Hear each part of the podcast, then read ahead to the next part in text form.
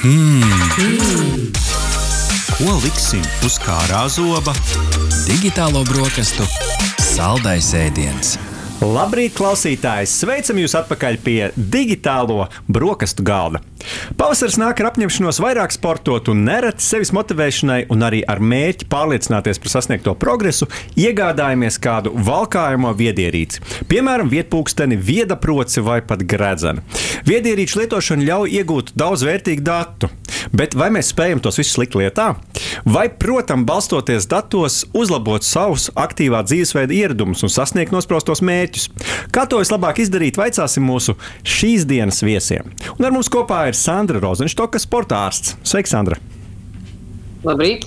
Kā arī Māris Bērķis, vie viedo sporta tehnoloģiju entuziasts. Māris, sveiks! Labrīt, labrīt! Paldies, ka uzaicinājāt! Prieks, ka esam šodien šādā, šādā barņā un šādā sastāvā. Patiešām arī man pašam personīgi interesē, kuriem datiem tad ir vērts pievērst beig beigās to uzmanību, kas man noderēs visvairāk. Un kā tos datus dabūt? Ne, kā, kā dabūt ārā, varbūt par to arī nedaudz pieskarsimies. Esam paņēmuši sarunai par pamatu skriešanu, kā tādu diezgan populāru sportošanas veidu. Latviešiem patīk skriet, tīpaši, kad dabu mostās, kas gan varbūt skaistāks par to. Sākumā gan parunāsim runāsim nedaudz par tehnoloģisko pusi. Tīri tā, lai cilvēki saprotu to lauku, kurā ar, un tās ierīces, ar kurām var darboties. Un Mārcis, šeit jautājums eh, konkrēti tev. Protams, ka visi zinām par viedajiem pulksteņiem. Es ceru, ka mūsdienās jau visi zina par viedajiem pulksteņiem. Parunāsim varbūt sīkāk pēc tam par to iespējām. Bet, nu, prot, gan jau, ka Mārcis tas nav vienīgais, ne? Ar ko var, eh, ar ko var mērīt eh, savu sniegumu gan profesionāli, gan vienkārši entuziastu līmeņa sportisti. Kas vēl ir pieejams, ja mēs runājam par uh, ierīcēm un sportu? Jā, nu, protams, vietpulksteņi ir vispopulārākie, tomēr ērti lietojami, ērti valkājumi, arī labi izskatās. Un uh, vēl ir populāri, teiksim, sportisti bieži vien izmanto atsevišķas pulsa jostas, uh, kas precīzāk mēra pulsu. Uh, un, protams, arī grēceni kļūst populārāki, bet diez vai tas būs tādai skriešanai, tas vairāk, kas uh, grib vairāk koncentrēties uz miega pētīšanu, jo tomēr ar grēdzenu ērt, ērtāk gulēt nekā ar lielu pulksteni uz rokas. Un arī parasti tie grēdzenu lietot ražotāji e, kā, fokusējas uz miega datiem. Ir arī citas interesantas lietas, parādās, teiksim, ierīces, kas e, konstanti mēra cukuru līmeni asinīs, kas, protams, diabētiķiem ir interesanti, bet arī profesionāliem sportistiem, kuriem ir jāzina, teiksim, kā uzņemt ogļhidrātus eh, slodzes laikā. Bet nu, tas, tas droši vien ir vēl ļoti nišas lieta, tas vairāk profesionāļiem. Kā ir piemēram ar kādiem sensoriem, ko var kaut kur apģērbā paslēpt, tad, piemēram, kurpēs. Man uh, satos, ka man savulaik bija viens, viens pāris ar kurpēm, neminēšu konkrēti zīmolu, bet paceļot augšā to pazolīti, to, zo, to iekšā to, mm, to ap, odarīti, tur apakšā bija tāda maza, maza tā vietiņa, vieta kur, čipam. Jā, vieta čipam, kur varēja kaut ko ielikt. Kā ir, piemēram, ar šādiem, šādiem gadgetiem ierīcēm, vai tas arī pie mums ir populāri? Tas nebūs populāri. Es zinu, ir tādas eh, zolītes, ko liek apos, bet to, manuprāt, izmanto tikai atsevišķi sporta apavu tirgotāju veikalās, lai tā teikt noteikti, kuri apavi ir piemērotāki. Bet vispār tādi apavu sensori kļūst. Agrāk bija populāri vēl tādi, kas mēra, teiksim, soļu garumu, Bet tagad jau to dara arī pulksteņa principā. Tur nav atsevišķi vajadzīgs kaut ko iet pie ķēdē. Mm -hmm. Tas sanāk, ka pulkstenis patiesībā ir tāds unikālais, uh, universālais karavīrs. Un tad, uh, ja saprotu pareizi, tad jostiņa ir tas, uh, kas varētu būt tas otrā izvēle, vai ne? Un tad ir kaut kādi tādi marginālāki gadgeti, kurus, kurus izmanto varbūt vairākas priekš specifiskiem mērķiem. Jā, nu nākamais jautājums, un uh, šoreiz vēršos pie Sandras, kur strādā ikdienā sporta laboratorijā, kur ir nu, droši vien arī specifiska tehnika tehnika. Uh, cik liela atšķirība mūsdienās ir, ja raugāmies uz datu precizitāti starp ierīcēm, kuras varam iegādāties nu, gandrīz jebkurā sporta vai specializētajā veikalā, un uh, tām, ko izmanto ārsti vai citi augstas raudas profesionāļi? Cik, cik uzticami vispār ir plašam patēriņam pieejamo uh, gadgetu dati? Jā, tā šī tēma ļoti, ļoti aktuāla, jo viņi tiek skatīti pēdējos pāris gadus arī starptautiskajā sporta medicīnas vidē.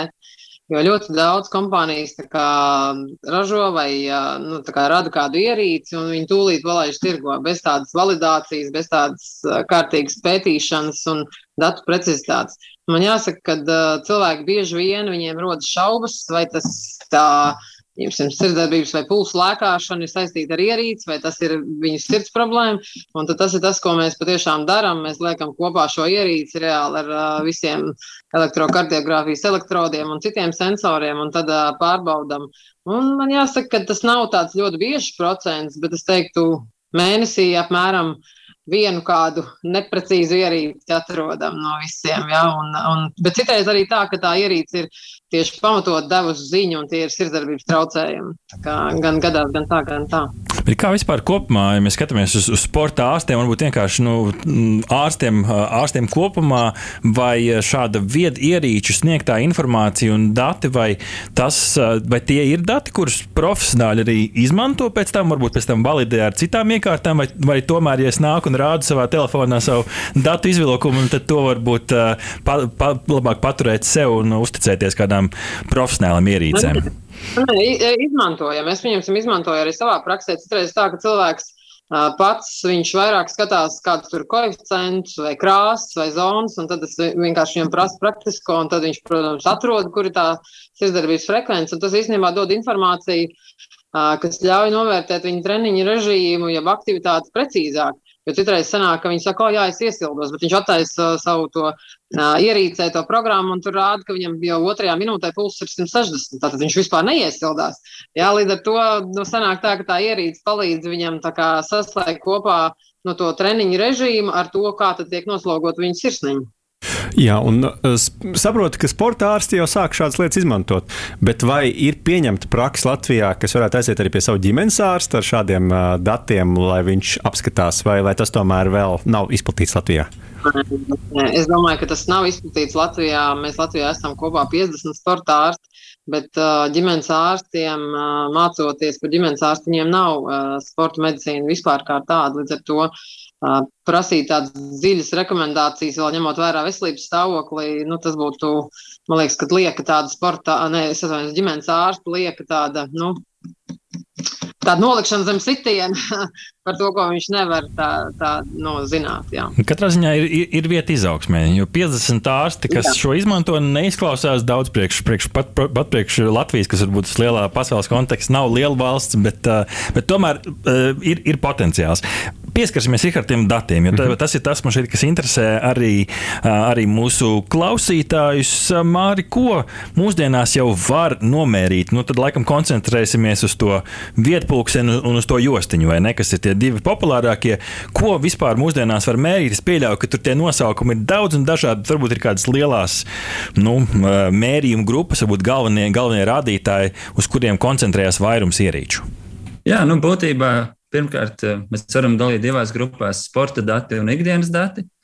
Sporta dati, nu, pārsvarā visi skatās ātrumu, skatās pulsu, parasti skatās ātrumu, pulsu attiecību. Un uh, vēl mūsu ikdienas eh, pulksteņi ļoti daudz jau ļoti diezgan labi rāda tādus kā atjaunošanās datus. Un cik labi to man tā grūti pateikt, bet, bet rāda, kas ir īpaši uh, iesācējiem, kuriem ir tagad sāks skriet, ir liels entuziasms, varētu būt ļoti noderīgi. Pulkstenis pasaka, ka nu, nevajag katru dienu ļoti, ļoti intensīvi sportot, ka ir arī jāatjaunojas. Bet uh, ikdienas dati, protams, tie ir ikdienas soļi, kas droši vien ir tāds vispopulārākais, uh, ka mēs redzam, cik daudz mēs vispār kustamies ikdienā. Uh, miega dati. Un, uh, dažādi dati, arī balstoties uz pulsu, teiksim, ķermeņa baterijas līmenis, kas pa nakti, kad mēs atpūšamies, mūsu baterijas uzlādējas, pa dienu viņš, viņš krītās, stresa līmenis.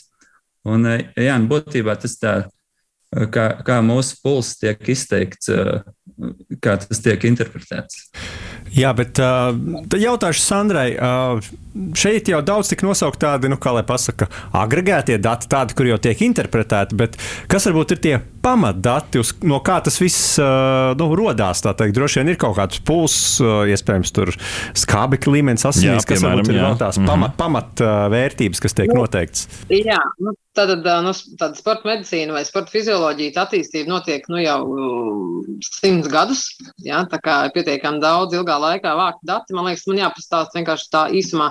Lielbritānijas piemērs viņiem līdz 2005. gadam bija saucās Sporta medicīnas asociācija, bet pēc tam viņi nomainīja šo mm, asociācijas nosaukumu Sporta medicīnas un fiziskās slodzes asociācija. Kāpēc? Tāpēc, ka daudz datu, kas tiek izmantot sporta medicīnā profesionāliem sportistiem, ir ļoti labi nodara un tiek izmantojami ikdienas praktiskajā dzīvē. Uh, šajās ierīcēs lielākoties tiek analizētas pulsu frekvences, un arī šī uh, pulsu variabilitāte, tas nozīmē tas mainīgums.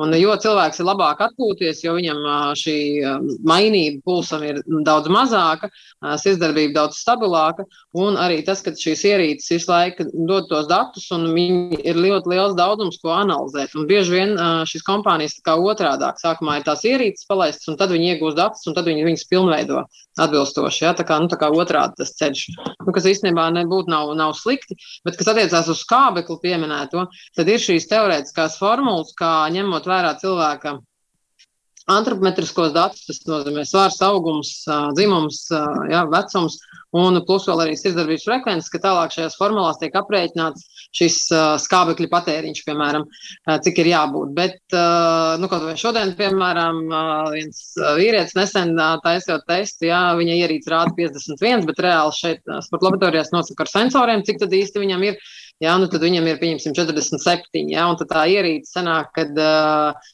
nu, nevienmēr tie dati precīzi sakrīt. Es teikšu, tā apmēram 50% sakrīt, un 50% tie, kas ir ļoti labi trenēti, vai tie, kas ir netrenēti, tiem šie rezultāti ir vajadzīgi individuāli. Tehnoloģijām iet uz priekšu. Man šeit tāds vēl viens rādītājs, ko var novērot arī dažādās tehnoloģiju prezentācijās, ko nu, cenšas iestrādāt šajās mazajās ierīcēs, ir elektrokardiogramma, ECG vai ne? Richard, tā, tāds laikam bija tas saīsinājums. Vai šis ir vairāk tāds, redz, kā man kādreiz tieši viedierīce sāk runāt, tajā brīdī, kad es par viņu runāju. -hmm. Bet vai tajā brīdī, kad, kad tiek mērīts šis rādītājs, vai tas vairāk ir mārketinga triks vai arī patiesībā šīs mazās ierīces spēja to, ko agrāk spēja izdarīt, varbūt vesela mašinērija? Nu, redz, tā mašinērija jau, nu, piemēram, tā kā es strādāju, man 12 novadījumi elektrokardiogrāfiju, un sanāk tā, ja tu vienā novadījumā kaut ko redzi, tad tev jāredz, tad tieši tas pats ir apstiprinošos vēl citos attiecīgās, nu, vietas, sirds zonas novadījumos, kas apstiprina. Šāda ierīce var tikai tā kā vienu novadījumu tā kā pierakstīt, bet viņi, protams, pamatojās uz pulsa vilni, kas ir, nu, tā kā šī līdzīgi kā pulsa oksimetrs, ja, ko uzliek un kas nosaka kapilāru asiņu skābekļu piesātinājumu. Tāpat arī pulsu vilnis, ja tāpēc jau mēs arī jūtam pie, pie augsts locītos vai, vai pēdām vai kaut kur pulsu. Ja, šis, un arī ierīces pamatojās uz to, tagad ir tas pulsu vilnis, tad sanāk ir tāda tā kā pīķi. Ja, un tad viņi mēra šos attālumus starp tiem pīķiem, un tā arī nosaka gan šo variabilitāti, gan arī pulsu frekvences. Ja. Jā, nu vienmēr sakot, dažādi mērījumi arī gan mm. sarežģīti noteikti. Bet to pamatu man šķiet, ka mēs esam sapratuši. Tieši tā, tieši tā. Un es tad pavisam praktisku jautājumu gribu uh, jautāt uh, Mārim. Kā tad ir ar to mm, datu uzticamības ietekmēšanu tīri ar mūsu paradumiem? Vai ir kaut kāds veids, kā pareizi uzlikt to jostiņu vai valkāt pulksteni, lai tie dati neciestu? Jo, nu, mēdz cilvēku uzlikt ļoti vaļīgi pulksteni, un tad jautājums. Nu, Dažkārt viņa... cilvēku uzliek otrādi, lai ne, ne, nenobeigtu. Dažkārt maina rokas no kreisās uz labo. Vai, vai ir kaut kāds siktiņš, kurš kratās? Tieši vai tā, vai ir kādi ieteikumi, jā. kā tad uh, nezaudēt to datu ticamību? Ja mēs runājam, teiksim, par pulsa precizitāti, tad es noteikti varu ieteikt cilvēki, kas neizmanto pulsa jostas, bet grib mērīt ar pulksteni, jo tagad gandrīz visi pulksteņi jau arī mēra pulsu. Tad vismaz uz to sportiņu, to pulksteni tā uzvilkt stingrāk un augstāk uz rokas, tā gandrīz vai dīvaini, un tad ir lielāka cerība, ka tie dati būs adekvāti. Savādāk, nu, ļoti nepareizi jau to ierīci lietot, ir grūti, nu, diezgan jau labi būs. Agrāk eh, cilvēki mēdz sūdzēties, ka, teiksim, jaunās māmiņas grib zināt, cik nostaigā, un tad iet ar ratiem, un roka ir uz ratiem un nekustās, un tas pulkstenis nespēja, teiksim, soļus saskaitīt. Un tā, manuprāt, vairs nesūdzas, ka tie pulksteņi labāk tagad uztver arī nelielu kustību. Bet, nu, teiksim, tāds var būt aspekts, ja grib zināt, cik mēs kustīgi esam, ka jāsaprot, ka tā, tā, tā tehnoloģija jau nav maģija. Tur ir kaut kāds sensors, kas uztver to kustību un uh, interpretē to kā soļus un interpretē kā uh, kaut kādu kustību. Mm -hmm. Mēs arī nedēļas sākumā Riharda LSM.CLV Instagram kontā stāstos, jau stāstījis cilvēkiem prasām dažādus jautājumus saistībā, tā skaitā saistībā ar šīs nedēļas mūsu sarunu. Un šodien vaicājām, kuriem vietpulksteņa sniegtiem datiem tu pievērs vislielāko uzmanību skrienot. Riharda, kādi rezultāti? Jā, nu šeit uh, absolūts līderis. Es pat uh, nu, tur 80% no atbildēm varu teikt, teica pulss. Mm -hmm. teikt, vai nu kombinācijā ar kaut ko, vai, vai, vai viens pats, tad pulss bija tas, uh, kas tika minēts. Tad, uh, protams, bija noskaties ātrums un uh, laiks, uh, noskaties attālums un laiks, no kura droši vien var arī pēc tam izdarīt dažādus citus secinājumus, kombinējot šos rādītājus. Minēts tika arī vidējais ātrums un temps, soļu skaits, mm -hmm. un tad jau daudz retākas atbildes bija tātad, uh, nu, šī globālā pozīcija pozicionēšanās sistēma, mm -hmm. jeb arī karte savā ziņā, tā praktiski to varētu nosaukt. Kalorijas tika minētas, arī stresa līmenis un miega kvalitāte tika pieminēta. Nu, līdz ar to, Sandra, šeit varbūt nākamais jautājums. Dati dažādi, varbūt nav tā, ka gāž no kājām nos, bet tomēr, kuri ir tie parametri, kuriem nu, cilvēkam visticamāk, kurš ir entuziasts skrejējs vai gribētu būt profesionāls skrejējs, kuriem datiem sportojot no šīm ierīcēm ir vērts pievērst uzmanību. Un uh, varbūt uh, kas ir kaut kādas lietas, kurām tiešām jau uh, skatoties, piemēram, uz to pašu pulsu, kas būtu jāzina, uz ko būtu jāskatās. Jo man šķiet, ka šeit. Daudzas ierīces nedaudz nu, ražotāji grēko. Tā kā tas Sandra saka, sākumā uztaisīja ierīci, iedod datus, un beigās es nesaprotu ar to lielo datu lērumu, ko darīt. Tā kā kam būtu vērts pievērst uzmanību? Nu jā, sirdsdarbības frekvence, ja pulss, tas ir nu, svarīgs rādītājs, jo cilvēks to var salīdzināt. Citreiz, pieņemsim, es prasu miera pulsu, īstais miera pulss, kad cilvēks guļ pa nakti vai arī, pieņemsim, jau stundu mierā sēdējis, nevis tāds kā ātri atskrēja apsēdos un tā, ja. Un to tas ir viens no rādītājiem, kuru var izmantot arī tādai pilnvērtīgas atjaunošanās novērtēšanai, īpaši kaut kam gatavojās, ja, zina, ka visu laiku, pieņemsim, bija tur 55, 56, un tagad pēkšņi ir 65, ja. Tā kā būtiski augstāks, tas uzreiz liecina liecina, ka, nu, kad ir tomēr jau treniņu process ir jāpārdomā, vai, lai ne, ne, neveidotos pārslodzi. Uh, nu, vēl Ātrums arī ir noderīgs, jo cilvēki, tas, ko es vienkārši stāstu no konsultācijām, ko cilvēki atzīmē, es visu laiku skrēju, man bija 140, tagad es skrienu, man ir 160. Jā, kāpēc? Un tas ir tas iemesls, kāpēc viņš ir atnācis. Un, protams, ka mēs atrodam vai no agrīnas pārslodzes pazīmes, vai no nu, uh, mazasnības sāk izpausties. Nu, tad tur dažādi iemesli var būt, bet tas, ja kurā gadījumā ir kaut kāds simptoms, kuru mēs varam kā, nu, risināt. Tāpat kā es jau liekas, minēju par uh, neregulāru izdarbību, pēkšņi kaut kāda lēciena, pēkšņi kaut kādas pulsa izmaiņas straujas, kas, nu, kas mēdz atkārtoties, tad arī ir vērts pierakstīt kardiogrammu ne tikai mierā, bet arī tieši, nu, kad cilvēks ir intensīvā slodzē. Jo citreiz mēs varam cilvēku tā arī nu, tā pasargāt. Nu, novērst dažādus riskus saulēcīgi. Ja? Tā kā tās, man liekas, ka jā, ātrums un sirdsdarbības frekvence, protams. Jā, un Sandra, paturpinot vēl, mēs jau runājām par to, cik nu, precīzi ir saka, tie mērījumi pamatdatiem, cik šiem kaut kādiem agregātajiem datiem. Un tad nākamais līmenis, var teikt, ir nu, šie treniņu plāni, kas ir individualizēti. Un, nu, tad jautājums ir, cik ļoti tam var uzticēties, jo noteikti tiek izmantot kaut kādi algoritmi. Iespējams, ka tiek salīdzināts, eh, es tiek salīdzināts ar kādiem citiem līdzīga mm -hmm. vecuma un eh, nezinu, miesas būvniecības cilvēkiem pasaulē ar mākslīgā intelekta palīdzību.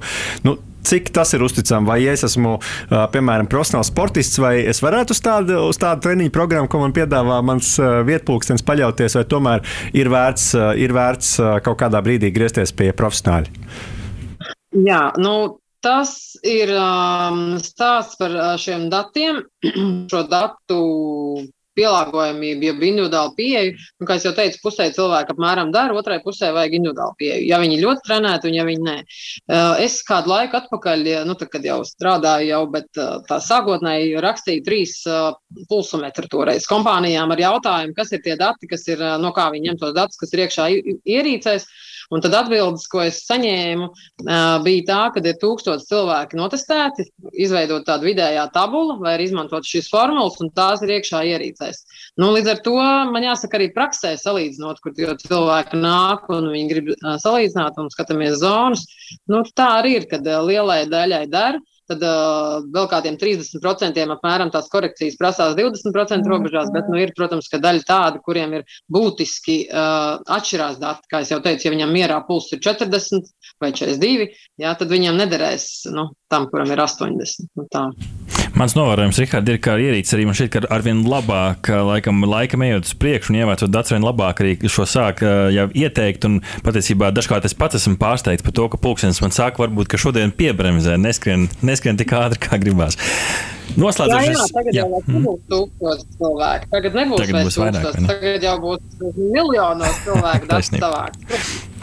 Nu jā, bet runājot par to nākotni, kad mēs iespējams iegūsim vēl vairāk datus, jautāšu Mārim, kādas tendences ir vērojamas valkājamo ierīču attīstībā, ja mēs skatāmies šobrīd un arī, teiksim, kādā desmitgadu perspektīvā?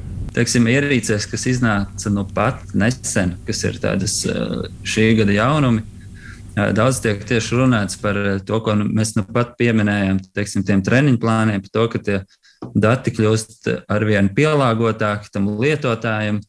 Un ka, teiksim, ir ieteiktie treniņi, kas ļoti balstās jau ne tikai uz to treniņu vēsturi, bet arī tiek miegs ņemts tavs vērā un tādā, tādā garā. Tā, kā, nu, tā tendence ir, ka tas algoritmi kļūst gudrāki viennozīmīgi, bet kur nākotnē mūs aizvedīs, to, to man ļoti grūti pateikt. Jo arī pirms pieciem gadiem man likās, nu, pēc pieciem tad jau tad jau man dakteris man piezvanīs, ja redzēs, ka mans pulkstenis eh, kaut ko uh mhm. -huh. tā rāda. Bet nu, tā vēl tas nenotiek.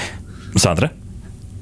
Jā, es atcerējos vienu tādu svarīgu lietu, kur mēs runājam par sensoriem. Tagad uh, Tokijas uh, Olimpiskajās spēlēs tika izmantots, lai sargātu uh, garo distanču skrejējus. Viņiem tika piedāvāts, tas nebija obligāti, uh, piedāvāts tā kā kapsula, kas īstenībā ir ar temperatūras sensors.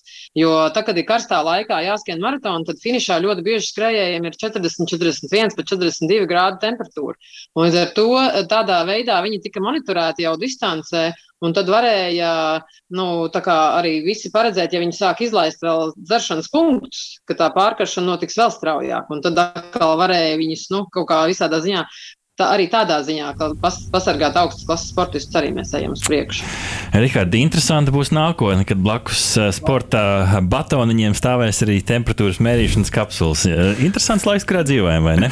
Jā, tieši tā. Un droši vien tā visa rezultātā arī iespējams eh, ārstiem būs vieglāk pieņemt lēmumus par mūsu veselības stāvokli. Beig, tāds... Beigās mēs ne, nenudrīsim sev pāri. Jo tieši agrāk tā, teica, skrien visi kopā vienā ātrumā, tad šobrīd mēs jau esam gudrāki. Mēs zinām, ka ir jāskrien tajā ātrumā, kas kāds tev ir veselīgs. Individualizēta pieeja un tāda arī, zināmā mērā, precīzā medicīna un arī precīzais uh, sports, ja tā varētu izteikties.